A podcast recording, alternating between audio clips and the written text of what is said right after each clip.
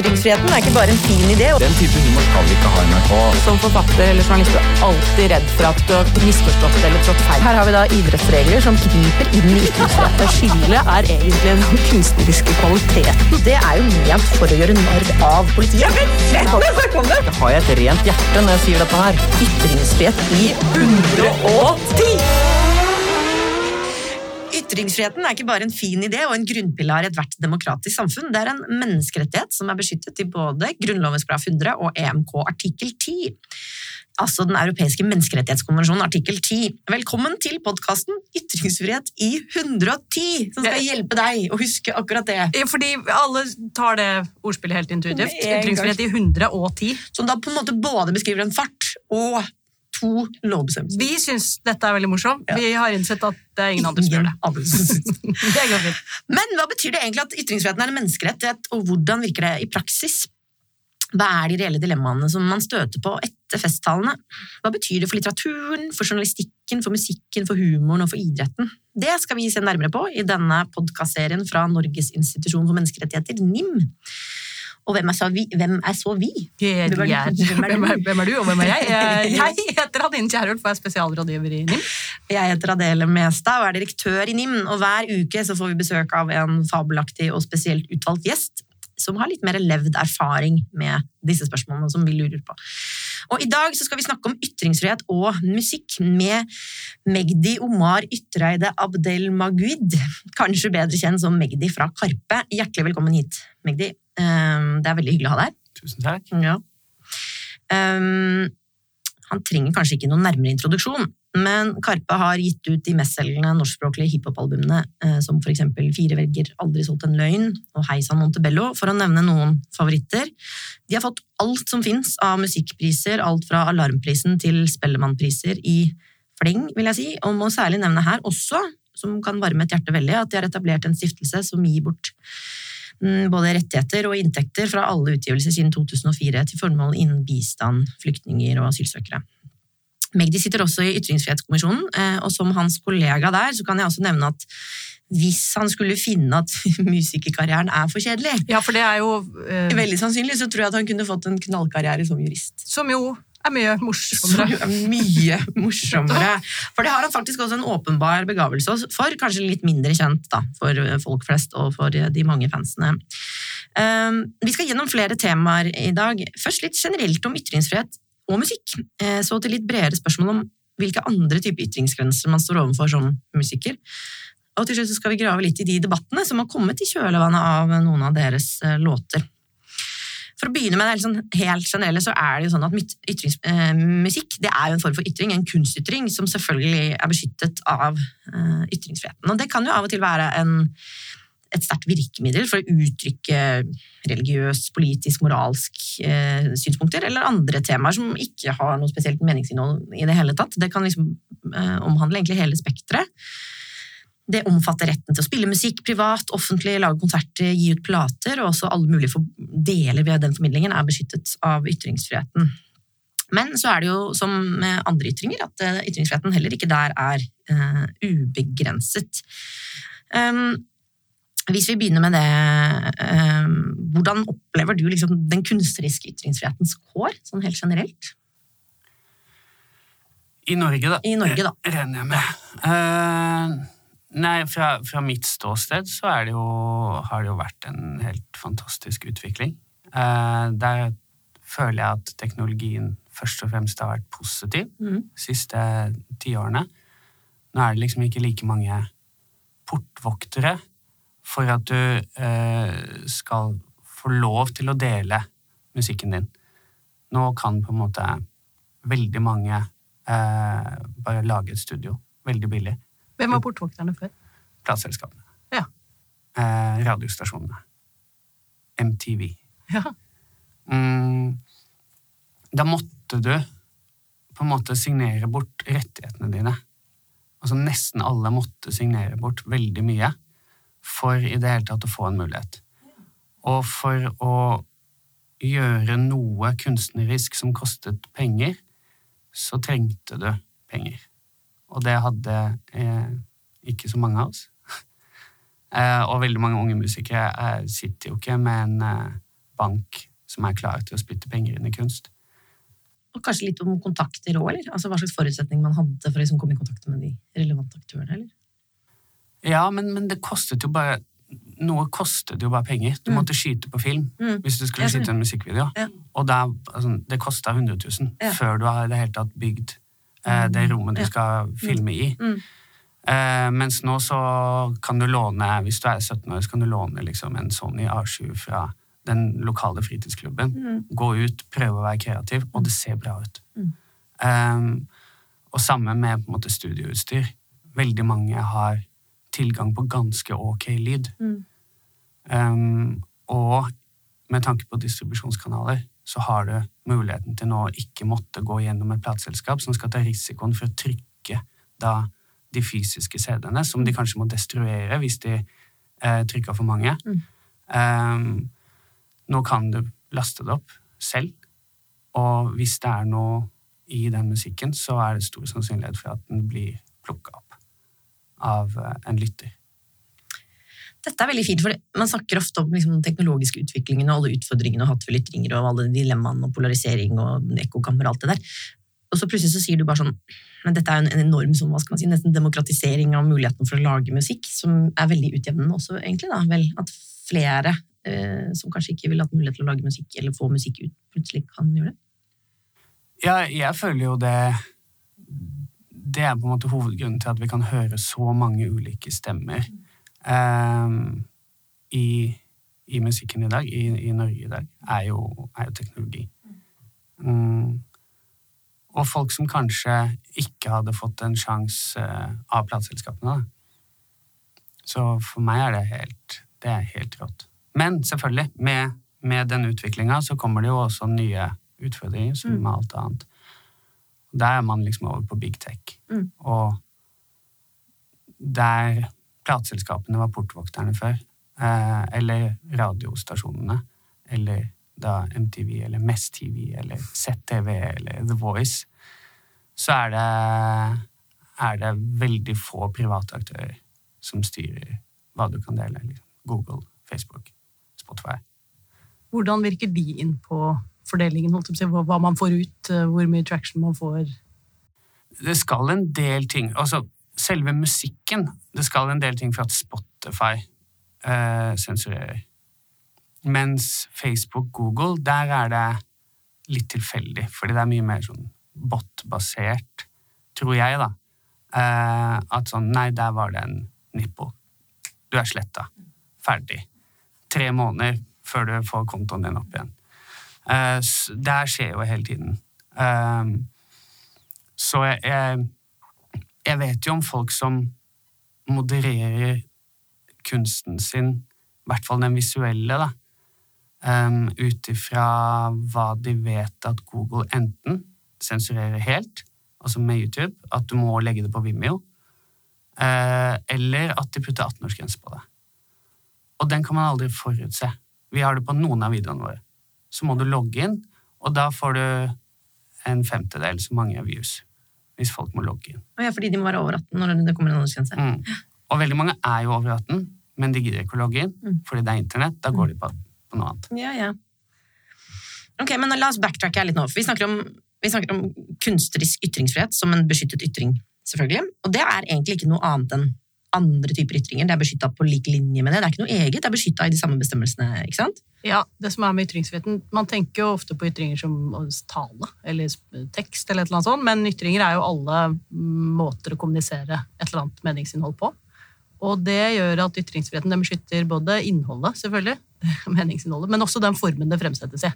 Om det er en karikaturtegning, eller om det er en eh, låt, eller om det er et bilde. Så hvis det er å regne som en ytring, at de kommuniserer et eller annet, så er det beskyttet på samme måte. Og så er det jo, Når man snakker om inngrep i ytringsfriheten, så snakker man primært om inngrep som staten gjør. For eksempel, vet ikke om de skulle nekte dere å spille en sang, eller, eller at man eksempel får et søksmål mot seg fordi innholdet i en låt er en ærekrenkelse eller oppfordring til eller en tussel eller noe sånt. Det er liksom at staten agerer. Men det du snakker om nå, er egentlig noe litt annet. Det er at vi har fått noen sånne enorme private aktører, tech-selskaper, som på en måte har egentlig fått den nesten mest dominerende stemmen i forhold til rent faktisk mer, øh, og, og, og de mer som bredere rammene for hvilke ytringer som slipper til Og som Og styrer ikke. hvordan deres kunstneriske uttrykk til dels blir. da. Fordi Mm. Du kan ikke ha en nippel, eller du kan ikke gjøre det, for da blir det 18-årsgrense. eller dette du Mm. Ja. Og det, det skjer jo For noen skjer det kanskje bevisst, for noen andre skjer det jo bare ubevisst. At man bare tilpasser seg klimaet gradvis, og så etter hvert så er det på en måte ikke i hodet. At du skal bruke det ordet, fordi alle vet at det ordet det blir sensurert. Og så har det jo den mellomtingen. En ting er jo på en måte bli sensurert. Eh, Vi blir jo så lite sensurert i Norge at det kan jo kunstnere bruke. Yes, jeg ble sensurert, liksom. Det ble en egen greie. Ja, ja. Eh, men den vanskelige er jo den der, de algoritmene som bare gjør deg usynlig på nett. Mm. Eh, hvis For de har jo den mellom... Det jeg syns er mye verre enn sensur, er jo den derre Vi skal bare sørge for at ingen ser profilen din. Ja, ja. Det ble, ble bare borte nå en stund. Ingen, det er så rart. Du legger ut noe, så får det ikke noe Ikke noe oppmerksomhet i det hele likes, tatt. Og du aner ikke hva det er engang. Det er helt Kafka. Men det er interessant, ikke sant? fordi man snakker jo ofte om hvilken nedkjølingseffekt har tradisjonelt da, hvilken nedkjølingseffekt har ulike statlige reguleringer på ytringsfrihetsfeltet. Det er man veldig opptatt av. Og så ligger det nå en voldsom nedkjølingseffekt, egentlig, sier du, i måten disse tekstselskapene opererer på, fordi det er jo helt uforutsigbart for dere. Og da vil man jo nødvendigvis måtte legge inn noen buffere, da, kanskje, i forhold til sitt kunstneriske uttrykk, uttrykk for å ikke havne i disse fellene som man ikke helt vet hva består i. Dette er jo egentlig argumentet for å ha tydelige regler på ytringsfrihetsfeltet, ikke sant? at du skal vite hvor grensene går. Mm. Men det vet ikke du, nødvendigvis, i forhold til Nei, og vi kan på en måte, vi er jo i en posisjon hvor vi kan lede folk inn i en annen plattform. Uh, men hvis du er ung og ny, Mm. så vil du jo ha på en måte den største plattformen. Og, og da burde du legge inn den bufferen, Mm. egentlig, Mm. for å, for å få ut uh, kunsten din. Og det som er kronglete med at de holdt på å si, ytringsreguleringene nå ikke er statlige, uh, men er styrt av de plattformene, det er både, Vi vet ikke helt hva de går ut på. Noen ting vet vi, nippel og sånn. Uh, Vi vet ikke hvordan de håndheves. Vi vet ikke hva slags sanksjoner vi egentlig blir utsatt for. Hva er det de algoritmene gjør? Eh, altså En ting er å bli utestengt, men en annen ting er jo liksom, hva gjør at dette ble så upopulært nå? Og hvis vi er uenige eller syns det er rart, så vet vi ikke hvor vi skal spørre, og vi får ikke noen klare avgjørelser heller. Mm. Så det gjør jo at disse ikke-statlige sensuraktørene er eh, egentlig litt nesten vanskeligere enn statlige å forholde seg til. Da. Men hva, hva, hva gjør det, da? Sitt, hvordan når dere sitter og liksom skriver en låt, for eksempel, eh, tenker dere da på det? Nei. Nei. Lager en Eh. musikkvideo, da? Er det liksom inne? Eh, ja, man tenker kanskje på det, på noen måte, om det er viktig eller ikke. Altså, det ville man jo gjort uh, i, en, i en hvilken som helst spillefilm også. Mm. At sånn, ok, men hva er, hva er viktig for oss? Er det viktig for oss at den ikke får 18-årsgrense? Er det viktig for oss at den får 15-årsgrense? Uh, eller motsatt, at det er viktig at ikke uh, Ikke at den har frialder, på en måte. Så man passer på at man Mm. At man vet man er over tolv. Mm. Fordi man ikke ønsker at denne filmen skal henvende seg til en syvåring, eksempel. Mm. Uh, så jeg tror vi, vi tar nok liksom Men det er mer bevisste valg Mm. enn eh, enn i studio. Er det da valg som dere gjør ut fra deres vurdering av hva dere tenker er riktig for deres publikum i ulike aldersklasser, eller, eh, eller er det veldig styrt av eh, hvordan dere opplever at algoritmene fungerer? Jeg tenker det er to, liksom, Noe er intern, intern kontroll, holdt jeg på å si, og noe er sånn dette er påført oss av måten offentligheten funker på eller ikke. da. Eh, Litt mer eh, er det en fet scene eller ikke. Ja. Uh, Og det er jo greit nok, tenker jeg. Ja, Altså, og det er sånn, meningen. ok, vi vet at okay, hvis vi, skyter, hvis vi skyter denne scenen sånn vi ser for oss å skyte den, så må vi bare vite at da blir konsekvensene Ja. dette. Okay. Um, og så bare veier vi opp. Ja, men det er fet scene vi skyter. Um, men at vi, at vi bare vet det, fordi plutselig så er det ikke en darling, den scenen, men den får helt andre konsekvenser. Da kan man vurdere det.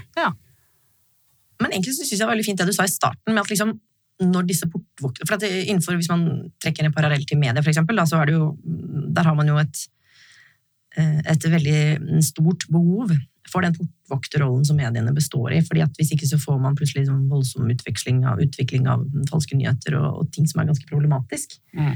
Så Derfor er man veldig avhengig egentlig av den portvokterfunksjonen. Mens det du egentlig sier, er at fraværet av portvokterfunksjonen her har egentlig ført til et større mangfold av, eh, av, av, av musikk, da. At flere får muligheten, er det det? Eh, ja, altså, men det, men det starter på en måte ikke med fravær av portvoktere. Det starter med liksom at ting er billig. Ja. Ja, nettopp. Det er bare, det er bare billigere å lage musikk. Ja, det er litt Eh, på samme måte som alle kan snakke på internett, så kan alle få ut musikken sin. Og både Ja. lage den og filme den og få den ut. Mm. Ja. Og, og det gjelder jo i mange kunstformer. Altså, ta stillbilder. Mm. Nå er det jo fotografer på 15 år som er helt rå. ja, det er jo egentlig bare fordi det, teknologien er blitt tilgjengelig for alle, da. Til å Mm. både lage musikk og, og bilder. Og spillefilm føler jeg at ikke er der Ikke ennå. Eh, du må fremdeles liksom gjennom hele det systemet. Mm. eh, som skaper mindre mangfold og færre stemmer ute i offentligheten i liksom spillefilm. Filmform. ja. Mm. Men eh, det kommer dit. Det er dømt til å komme dit. Mm. Men du, hva tenker du var de liksom viktigste muliggjørerne for dere? Altså, det er jo en helt uh, vanvittig Jeg nevnte litt innledningsvis, men karriere. Men hva var det liksom Hva var de viktigste muliggjørerne for dere? Nei, eh, det er jo ikke bare negativt med de portvokterne, da. Eh, Nei, det er det. Så altså Hvis du ser bort ifra det juridiske og kontraktene vi signerte da vi var små, Mm. Eh, så har jo plateselskapene gjort mye bra for å løfte artister, Mm. eh, inkludert oss. Mm. Så de var jo en viktig aktør, og man lærer jo mye av å jobbe med et plateselskap. Um, og det samme gjelder jo i, i filmverdenen, da. Altså, det er jo det er jo mye flinke folk som jobber der. Mm, men uh, Og så ser man hva man er signert, hva man har signert på, da. Og da, da, er det, da er det lett å miste fokus på det positive Mm. med plateselskapene.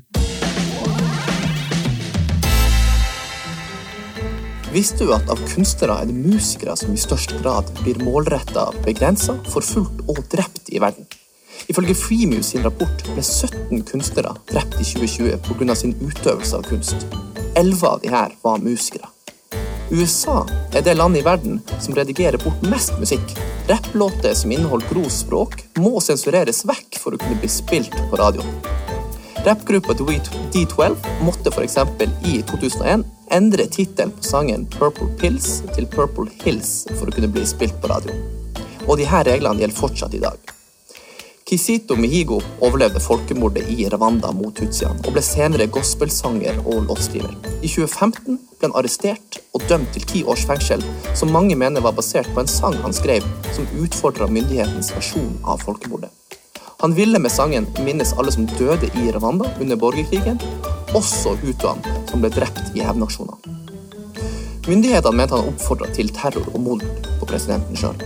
I 2018 ble han satt fri, ble arrestert igjen i 2020, hvor han samme år ble funnet død i sin egen celle. Men eh, dere er jo en eh, eh, ganske sånn Dere har ganske politisk fokus i låtene deres. Um, og hvordan og, og har jo liksom hatt en litt sånn rød tråd, tidvis, i, i liksom det, det dere sier. Som går liksom midt inn i den politiske offentligheten, tydeligvis. Um, har, det ligget der hele tiden? Altså, er, det- er, det en, er det en viktig driver for musikken deres, på en måte?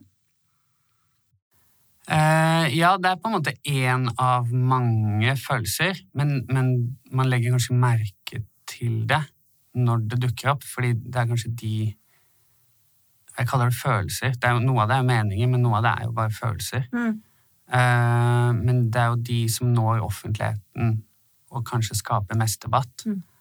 Eh, det skaper liksom ikke like mye debatt. En sånn liten personlig historie om noe jeg har opplevd. Um, så, men vi har alltid hatt det. Det har alltid vært på en måte en av mange ingredienser. Og jeg tror jo det er det for mange. Mange føler jo mye om, om samfunnet, Mm. om utvikling, om politikk. Eh, men det bare gjør seg ikke for dem i låtformat. Mm, for oss er det helt naturlig at om det er det jeg føler, så plutselig blir det en låt. Plutselig blir det bare en samtale. Mm. Eh, som med alle andre følelser. Så det har alltid vært der. Eh, dette er ikke musikk, ikke engang en låt, skrev Frp-er Petter Myhre om låten Lett over smell i kjellerleiligheten din. Han syntes at den var veldig negativ og hatefull, at all musikk skulle være noe hyggelig pent og vakkert og estetisk. Og han likte eksempel bedre tekstene til Ole Paus og Are Kalve, skrev han.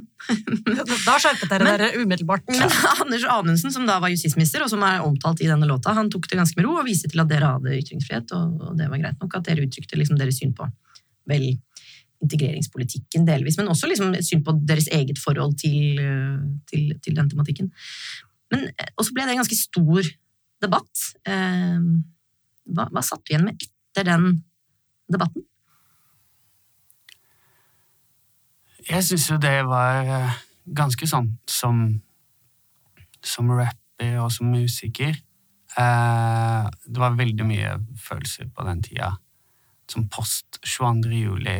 Eh, klima Eller pendelen bare snudde helt over til den andre sida. Eh, Hvordan tenker du, hva- Hvor var pendelen, og hvor snudde den? Bare sånn vi er tilbake jo, i landskapet. Ja, ukene etter 22. juli, det er oppi alt det triste og jævlige, så er det noe av det um, Det er på en måte Oslo på sitt fineste, og Norge på sitt vakreste. Det er sånn, det er sånn jeg vil ha det. Um, og naiv som jeg var, kanskje, så trodde jeg at det kom til å bli sånn.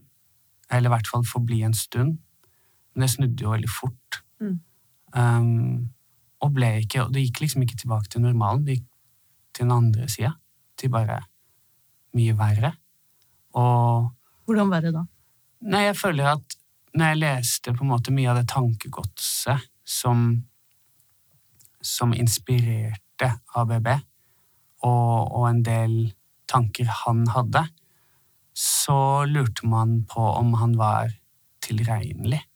Fordi det var så ute å si og tro på og mene mye av det han mente. Eh, det var på en måte unntaket. Og så etter hvert, sånn, jeg føler sånn et år eller to senere, så begynte de, de samme setningene å dukke opp bare mer og mer.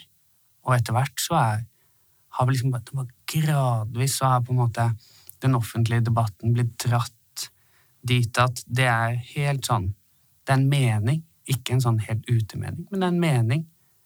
Eh, å snakke om Eurabia er liksom, det er ikke tre stykker som snakker om det, eller som snakka om det etter 22. juli. Det ble plutselig en sånn helt mainstream ting å si. Mm. Og det syns jeg eh, Så, så, så he, hele det prosjektet her som Montebello var liksom en sånn post 22. juli-reaksjon, mens prosjektet før var 22. juli-reaksjon. Eh, det var midt oppi veldig mye. Og det var revolusjonen i Egypt. Pappa er journalist. Eh, så det var veldig mye som skjedde da, som var vakkert.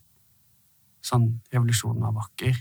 22. juli var jævlig, men reaksjonene eh, på hvordan vi vil ha det i Norge, var, var veldig fine, da. Eh, og så, bare, så snudde Akkurat som revolusjonen førte til en ny diktator. Eh, Men eh, det på en måte havne midt i en sånn type debatt, da, for det, da kom det en del hat og mye altså det kom liksom, begge, Alt kom på en gang. Litt sånn reaksjon på den teksten. Eh, Ja, det kom veldig mye. Mm. Det var mye følelser altså det var mye følelser i sving hos oss Mm. da vi skrev den låta. Og egentlig hver eneste gang vi spilte den, Mm. så var det på en måte Vi valgte å ikke avslutte med en oppelåt på turné. Vi avslutta med den, Mm. som var litt sånn spesielt valg. Uh, men det var så mye følelser i publikum også. Vi var på en måte ikke de eneste, tror jeg, som, som satt inne med de de følelsene, da.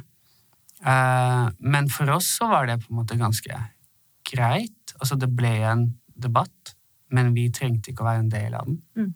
Og det liker jeg. Mm.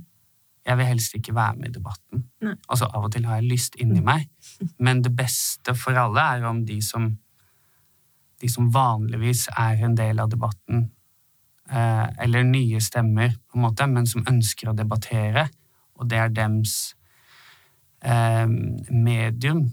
Mm, at de skal få lov til det, Mm. og så kan vi bare være frie og usaklige. Men det der syns jeg er så interessant, fordi i den uh, låta, da, som på en måte både liksom retter en kritikk mot um, en del av retorikken, vel, i asyl- og innvandringsdebatten, så retter den også litt kritikk mot oss selv, fordi vi er på en måte ikke helt villige til å Det er en sånn tekstlinje, kan du tilgi lille lord for at han vil ha både bil og båt, um, som liksom egentlig handler om, sånn som jeg skjønner den i hvert fall, at um, vi, vi vil jo på en måte også samtidig liksom passe på at ikke altså den, denne velferdsstaten vår og altså hele begrunnelsen for en veldig streng asyl- og innvandringspolitikk også, så den er rettet både mot politiske og mot den selv, men den siden ved teksten, den, den ble det ikke så mye debatt rundt. Og så da slo det meg når jeg liksom fulgte med på den debatten at det er det som er litt interessant med kunstneriske ytringer, i motsetning til en meningsytring, hvor liksom budskapet ditt vil være veldig tydelig fremme, mens hos dere så så kan man jo forstå en tekst på veldig mange ulike måter. Da. Um, og det er det som egentlig gjør debatter rundt kunst så innmari interessante ofte, for det kan være så mange lag. Ja, og, og jeg klarer aldri å forutsi hva som på en måte kommer til å få reaksjoner. Nei, Hver gang jeg tror det er sånn Oi, shit, jeg lurer på hvordan folk kommer til å reagere på dette, så er det sånn Å, ingen. Men de reagerte på dette! Hæ? Uh, og det er jo nettopp fordi det, det, det, kommer, det kommer jo fra følelser. Mm. Eh, og følelser er jo ikke saklige. Eh, av og til så tar de en saklig form, på en måte. Men i utgangspunktet så starter det ikke der. Hvordan er det um, når man lager eh, tekster eller låter eller snakker på vanlig måte, så har man jo ofte en tanke bak det man gjør. Man gjør det jo fordi man tenker noe selv. Og så kommuniserer man det på måter som kan tolkes kanskje veldig klart. Av og til blir man misforstått selv om man snakker helt vanlig. Det er min, min erfaring, i hvert fall. Eh, men, men det tolkningsrommet er jo mye større i musikken. Eh, er det så, du sier du blir overrasket over hva folk reagerer på, men føler du at noen av disse debattene tar av i en retning hvor du tenker dette er helt urettferdig, var ikke det vi mente? Eh, ja. Eh, men samtidig så det er ikke så mange, Jeg har ikke så mange eksempler på det, fordi det er på en måte en del av det. At når jeg slipper den låta, så er den ikke min lenger. Jeg har gitt den ut. Ja, sånn, ja. Kunstneren er død, liksom? Ja. ja, ja. Kunsten Så er det opp til noen andre. Men, men selvfølgelig, å bli misforstått er jo kjipt. Vi hadde jo en, en gang hvor jeg liksom jeg skrev, Og det er jo ikke saklig. Liksom. Man skriver fordi det, det rimer, det låter fett, og jeg mener dette er bra. Altså, det kommer fra gode intensjoner. Men uh, vi hadde jo én sak som vokste, fra en 16-åring som reagerte på at ordet jøde ble brukt i en kontekst med mange andre styggeord. Mm. men fra min side så var det selvfølgelig med de beste intensjoner og den motsatte betydningen. Eh, men det vokste fra en 16-åring som reagerte, som er helt fair. Det er eh, 100% respekt for. Eh, til å havne i liksom Jerusalem Post og, og, og bli en stor internasjonal ting med, med motsatt betydning. Altså hvor de har oversatt teksten eh, til motsatt betydning på engelsk. Um, og, og der blir man jo litt sånn konspirasjonsteoretisk. eh, Det må jeg innrømme. I hvert fall siden pappa sa at dette kommer. Han hadde sett den komme. Ja, han sa Dette kommer til å bli brukt på denne måten. ja, du, kjører, du kjører Israel så hardt at de, de kommer til å ta deg en dag. Og da kommer de til å kjøre hardt. Eh, så jeg var litt forberedt, da. Han lo jo da det skjedde. Men han er jo vant til det her. Ja, ja. Men hva, hva gjorde dere da? Det var liksom ikke så mye å gjøre. Nei. Men jeg angrer på at jeg ikke gikk hardere. Det må jeg innrømme. Hva skulle du liksom sagt eller gjort? Jeg, jeg visste jo at det handla om Israel. Mm. Eh, og jeg burde bare sagt det med en gang. Mm. Eller bare ikke vært en del av det. For jeg begynte å svare. Mm. Fordi jeg fikk vondt av henne. Mm. Ikke sant? At bare, nei, nei. Og så skal vi svare henne. Mm. Men dette var jo et mye større maskineri som brukte henne. Mm. Og jeg burde heller gått dit, istedenfor å på en måte gå rolig på henne, så burde jeg jo gått på det det egentlig handler om. Mm. Israel. Um, og der er det jo Ja, det er jo veldig interessant, sånn eh, apropos nedkjølende effekt, å bli kalt antisemitt Mm, veldig. er jo, er jo et veldig effektivt våpen. Eh, som mange uten tvil på en måte bruker. Og så ser alle, alle som har kritisert staten Israel offentlig, eh, har blitt kalt antisemitt. Det er bare å gå inn og google. Eh, så Og det virker jo nedkjølende på mange, garantert. Og det merka jeg da. Fordi det var ikke så stor debatt da. Fordi det er slitsomt når Susanne Abel eh, Aabel eh, sammenligner meg med liksom nazister. Så er det sånn Ok. ja, ja. Jeg filma en synagoge for et par år siden også, og en moské. Mm. Jeg prøver å bygge noen broer her, Mm. men hvis nazistene hadde gjort det også, så. Det er, eh, og det du skisserer her nå, det er jo også en For det du sa om den, eh, eh, den forrige låta hvor han Petter Myhre reagerte på den, det var jo sånn, da er det egentlig ganske digg å bare sette seg tilbake og se hvordan den debatten spiller seg ut mellom de etablerte stemmene, og kanskje noen nye stemmer, og kanskje Mm. lærer man noe av det, liksom. Mens her får du et behov for å forklare. Her, her er ikke kunstneren død. Her får kunstneren et behov for å forklare kunsten likevel, fordi den blir misforstått eller brukt på en måte som du reagerer på, da. Den blir brukt av noen andre som med noen helt andre intensjoner. Mm. Og det er litt som at noen bare plukker opp låta di og så reklamerer for Mækkern. Mm. Så er det sånn her, Det er du heller ikke for. Nei, du kan ikke bare gjøre det. Eh, så det er litt det samme som at de bruker låta så bare som en sånn provo. Eh, litt som at eh, folk fra Pride reagerer når Israel eh, sier at ja, men palestinere det, veldig, det står veldig dårlig til for homofiles rettigheter i de palestinske områdene. Mens vi, vi er veldig flinke på dette. Da er det jo folk fra Pride som reagerer, for nå tar, sant, tar de mm. dems liksom, kamp og Ja, ja. hijacker det. Eh, men eh, ja, vi trenger ikke å gå helt eh, inn i Israel. Det er jeg har sagt noe bedre enn nok nå. Men, men disse episodene jeg lurer sånn innmari på hva de gjør. fordi Man snakker gjerne om liksom nedkjølingseffekt som en sånn litt teoretisk størrelse, men så er man jo alle mennesker, og så får man seg sine erfaringer, og de aller fleste blir jo liksom litt mer av sånne debatter som går, går i en helt annen retning enn det man har tenkt, eller en intensjon som blir feilfortolka, eller noe sånt. Har det liksom endret på måten dere tenker om låter på? For du sier liksom at de er ofte ganske følelsesstyrte og emosjonelle. Det, det kan man jo merke veldig godt. Men, men gjør det at liksom den rasjonelle hjernen skrus på mer? Og det kan jo virke veldig nedkjølende på et kunstuttrykk. vil jeg tenke. Uh, ja. Å gå i debatten er eh, Det er ikke noe man ønsker. Det er ikke noe jeg ønsker. Nei. På noen som helst måte. Uh, gjerne helt andre ting, men ikke, ikke låtene. Eller på en måte en dialog om låter, om musikk, om Altså dette. Eh, det er noe helt annet. Mm. Men å gå liksom i debatten om noen som har hengt seg opp i et ord, for det kommer til å skje hele tida. Eh, og, det er på en måte ikke poenget at jeg skal forklare. Eh, og ofte så er det ikke en så enkel forklaring. Jeg følte det den dagen. Kanskje jeg ikke føler det dagen etter. Eh, og jeg forbeholder meg retten til å endre mening hele tida. Dette er veldig fint, og det du egentlig sier her nå, det er jo For man vil jo alltid risikere å bli misforstått, nesten uansett hvilket uttrykk man har. Eh, og kanskje er det større i kunsten, det tror jeg. Men, eh, men eh, det du sier er egentlig at noen, noen vil alltid reagere. Det, det er greit, det er deres privilegium. Det handler ikke egentlig om meg. Det handler om dem. Og det er jo noe med å legge ansvaret for om det er krenkelser eller opprørthet, eller mm, også hos de som mm, blir påvirket av ytringen din, og ikke bare tenke at her har jeg gjort noe galt, eller yes, jeg har gjort noe kjemperiktig, eller er sånn, ok, jeg har sagt det som jeg følte for der og da, eller den meningen jeg hadde i går. Det kanskje du hadde endret det til nå. Um, men de eh, har sitt eget privilegium i hvordan de tolker det der ute, og det er ikke så farlig. Og det må de få lov til. Ja. Uten at jeg går inn og blander meg. Om noen misforstår, så bør jeg i utgangspunktet bare la det ligge. Mm. Det er det beste.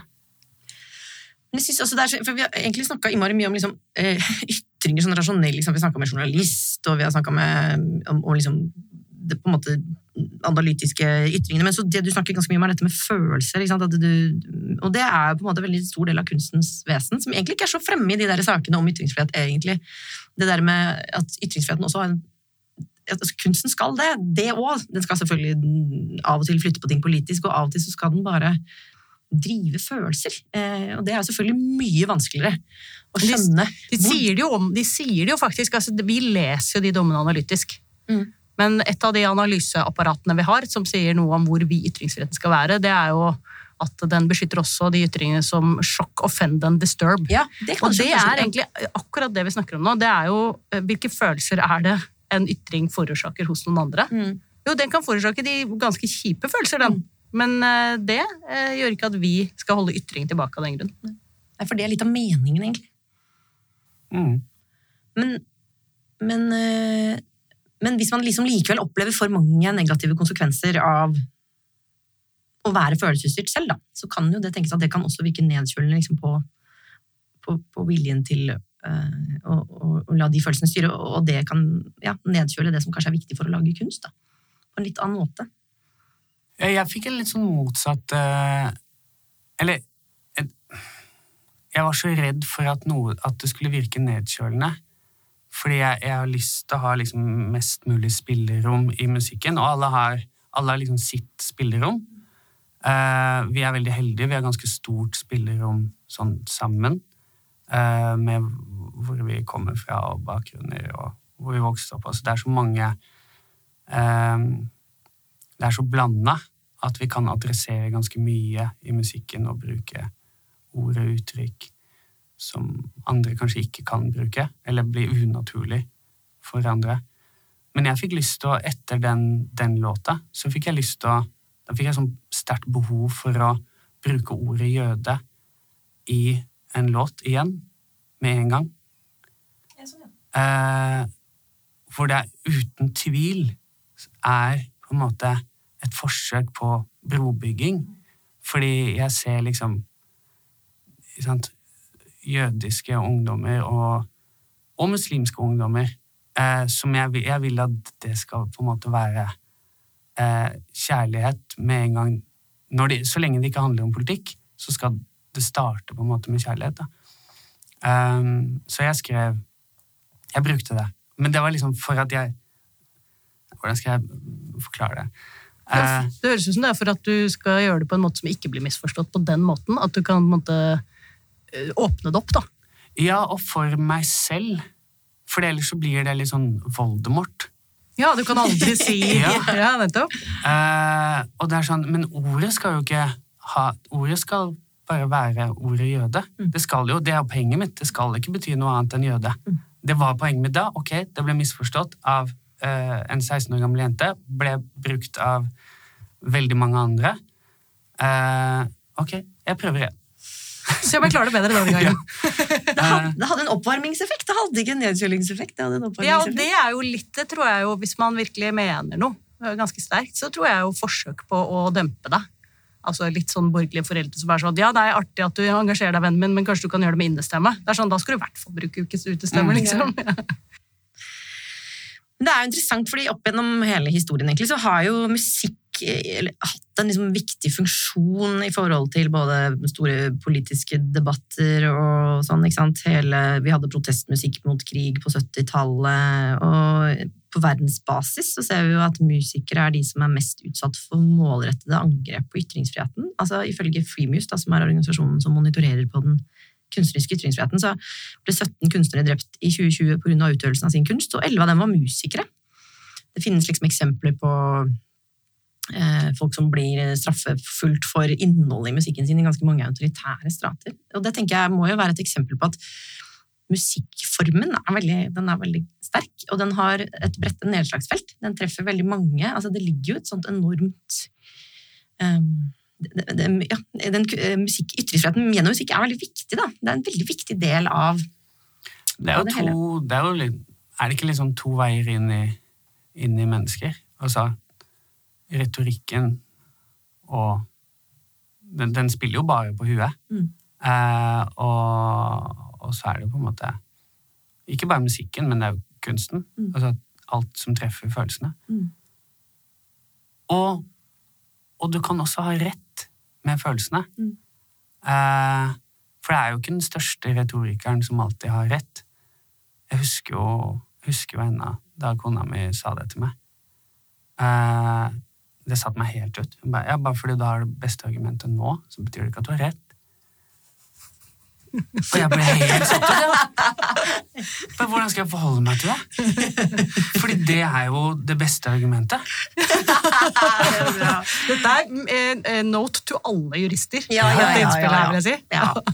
Nei, vi burde avsløres mye oftere, egentlig, for det der. Men du, um, vi må gå litt inn for landing her. Men ehm, jeg, jeg, hadde bare lyst til å spørre om en ting som, som er sånn gjennomgangstema her. Um, fordi uh, i noen situasjoner, da, som for eksempel eh, det eksempelet vi snakket om litt om nå, så har dere også fått litt sånn hets og hat, vil jeg tro, som alle offentlige personer gjør. Um, og så prøver vi å spørre litt forskjellige folk som har vært utsatt for det iblant. Dere får jo fryktelig mye kjærlighet, det er jo det viktigste å si. Dere er jo liksom, det, men um, hva, hva gjør dere for å på en måte ikke la det bli skadelig, eller hvordan beskytter dere dere mot det? Eh, tid. Ja. Jeg tror vi bare Vi er heldige, da. Vi starta liksom Det har gått så gradvis. Det er ingenting som har skjedd over natta. Så vi, og da, det er den eneste måten å bokstavelig talt få hardere hud på også, Mm. er jo over tid. Det er ikke noe sånn at du kan gå ut og herde Tykk hud over natta, nei. Nei. Ehm, og så er vi to. Ja, Jeg tror ikke man skal eh, undervurdere hvor stor fordel det er. Og jeg kan på en måte ikke, jeg vet ikke hvordan det er å være soloartist, men stor respekt når de står alene i stormen. da. Mm. Så jeg, jeg vet at det alltid er en som føler det jeg føler, eller er i samme situasjon. Så det hjelper jo veldig. Går, du inn, går dere inn i det, eller klarer dere liksom å avgrense mot det på noe vis? Er det sånn at dere tenker sånn, ja, Nå har er jeg blitt kom- veldig hardhuda, da. ja, ja, Du har gått barbent hele sommeren, du nå. Ja, nå, nå er det sånn Om noen sier at jeg har lyst til å putte en kule i huet på meg, så Ja, da har de det. tenker Ja. du liksom det handler om dem og ikke om deg? Ja, det er bare sånn Jeg vet ikke. Eh, jeg, hvem er jeg til å reagere på det? Eh, Bare fordi du ble utsatt for den kulen, ja. ja, ja, altså, ja men, men det er sånn Det føles liksom Hvis jeg skal la meg påvirke av det, hva, hva skal på en måte en, en 18-åring som skriver sitt første leserinnlegg om hijab Ikke sant? Eh, hva er det hun for? Mm. Altså, jeg må jo bare Det er jo ingenting. Det, det jeg har fått. Mm. Um, det er med en gang det blir fysisk at det selvfølgelig man, man blir mer påvirka. At, det at det ikke bare er ytringer. Mm. Har det skjedd, eller? Ja, ja, alt har skjedd. Ja, alt har skjedd. Men det du sier, er egentlig fordi Jeg har du ikke har fått en kule i huet, da. Nei, det, det er vi glad for. Ja. Jeg er veldig glad for. Um, men det du sier, er egentlig at uh, fordi du har en maktposisjon, så må du tåle det. Mens en 18-åring som skriver med hijab og er første gang ute i offentligheten eh, Ja, altså ikke må, men for meg så må jeg det. Ja. For samfunnet så bør jeg ikke det. Altså Det bør jo ikke være sånn Nei. at dette er ok. Nei, det er riktig. Uh, men uh, Så det er litt sånn litt som vi snakker om i kommisjonen, det der å ha to tanker samtidig. Altså både være robust borger og Kjempe mot eh, kjempe mot hatytringer og, og bare usaklig hets. Eh, fordi vi, kom, vi kommer jo ikke noe lenger med hets. Selv om det er lovlig, så hjelper det ingen. Um, så, og der er vi på en måte Der har vi blitt ganske hardhuda, da. Men det må skje gradvis, og der må vi passe på de, de yngste, eller de nyeste, Mm. i, i det merkelige spillet. På hvilken måte, dere er jo helt sånn vanvittige forbilder for veldig, veldig mange. På hvilken måte, liksom, du har sagt litt om det, men bruker dere, eller hvordan tenker dere om det i relasjon til dette, eksempel? Uh, Forbilder tenker jeg ikke så mye på. Ja. Uh, eller jeg vil ikke tenke så mye på det. Mm, jeg tror det beste for kunsten er å ikke tenke på det. tenke på det. Men sånn hva gjelder hardhude, uh, så, så kommer vi også fra et sted, da. Faren til Chirag er jo flyktning fra Uganda. Pappa er jo journalist og har jo fått nok av drapstrusler og lokkebilletter til eh, Libya eller broren til Saddam som prøvde å drepe han etter intervjuet han gjorde. Og, altså det er jo det er noen ville historier. Eh, og når jeg vokser opp med det, eh, og usensurerte El Jazeera-nyheter på parabol, så, så blir det liksom så Det blir så små problemer. Mm. Og så er vi så heldige. Det er et sånn- perspektiv som alle har hatt, faktisk, som har vært der. Det der med Man må gjøre den sammenligningen av og til da, ut i forhold til andre dilemmaer i andre land. Ja, og de skjer på en måte samtidig hjemme hos oss, da. Mm. Altså, eh, pappa kunne ikke dra til Egypt på veldig, veldig mange år, og sa jo liksom alltid sånn Ja, men etter revolusjonen så drar jeg ned. Og jeg bare Ok. Etter revolusjonen. Det høres ut som noe eh, Noe som aldri kommer til å skje. Altså tolv år senere, fra han begynte å si det, så kom det jo en faktisk revolusjon. Mm. Og det er, så, det er så store malerier da, som skjer i Midtøsten, og når man har det liksom tett på seg, eh, og det er ekte, så blir, så blir man bare takknemlig for at vi bor i Norge, og vi diskuterer jo detaljene i ytterpunktene av ytringsfriheten. Eh, og, som er viktig. Mm. Kjempeviktig for oss. Eh, mens de ler jo i andre land. Vi ler litt her òg. Ja, ikke sant? Det er veldig godt, det er veldig godt poeng. Vi skal runde av med tre litt kjappe spørsmål her. Hva ville du aldri sagt? Å ehm, men det må jeg jo ikke Det ikke. Er det en flauhetskonkurranse? Ja, ja, det er det. um, nei, eh, i musikken så håper jeg at jeg ville sagt det meste jeg har lyst til å si. Jeg ville ikke sagt noe jeg ikke har lyst til å si. Og så håper jeg at jeg sier alt jeg har lyst til å si, innenfor mitt spillerom. Alle har liksom Jeg har, jeg har ganske stort spillerom, men jeg har ikke alt. Så det er jo noen ting jeg på en måte ikke kan si, fordi det vil bli tolka feil. Uansett hvordan jeg sier det, fordi jeg har ikke spillerommet. Mm. Og det er liksom det er jo det veldig mange av debattene egentlig handler om. Mm. Det er sånn, Du har ikke spillerommet til å si det her, Mm. eh, og derfor blir du misforstått. Hva skulle du ønske at noen sa til deg? Du sa det i stad. Hva da? Hvordan uttaler man navnet ditt? Åh, Det var veldig fint. så bra. Det er viktig. Sa Og da slapp jeg å rette deg. Etterpå, for jeg sa det da riktig. Nei. Nei! Du sa det ikke etternavnet, Nei. men for, fornavnet sa det riktig. Ja. Ja, men ikke Omar. Fordi du sa Omar. Omar, ja. Ja. Men- Men, du spurte, Jeg og prøvde. Jeg prøvde. Ja. Lykkes ikke helt, Ikke helt. men nesten. Ja. Blir bedre med trening. Omar. Omar. Omar. Omar. Anine. Nei, trykk på første stavelse. Anine. Ja. Ok. Adele. Men du spurte, det var veldig fint. Ja, så bra. Mm. Og nå tør jeg ikke å si det en tredje gang, for nå kommer jeg til å si det feil igjen. du, du Får du ta det utenfor studio. Ta det utenfor studio. Ok, så bra. Hva er det mest oppsiktsvekkende du har hørt noen si? Nå kommer jeg fra rap, da. ja, det er sant. Altså Skal litt til. Ja, og hvis du går på en måte En ting er jo de låtene man hører på Spotify, liksom. Mm. Men en annen ting er jo i battle rap.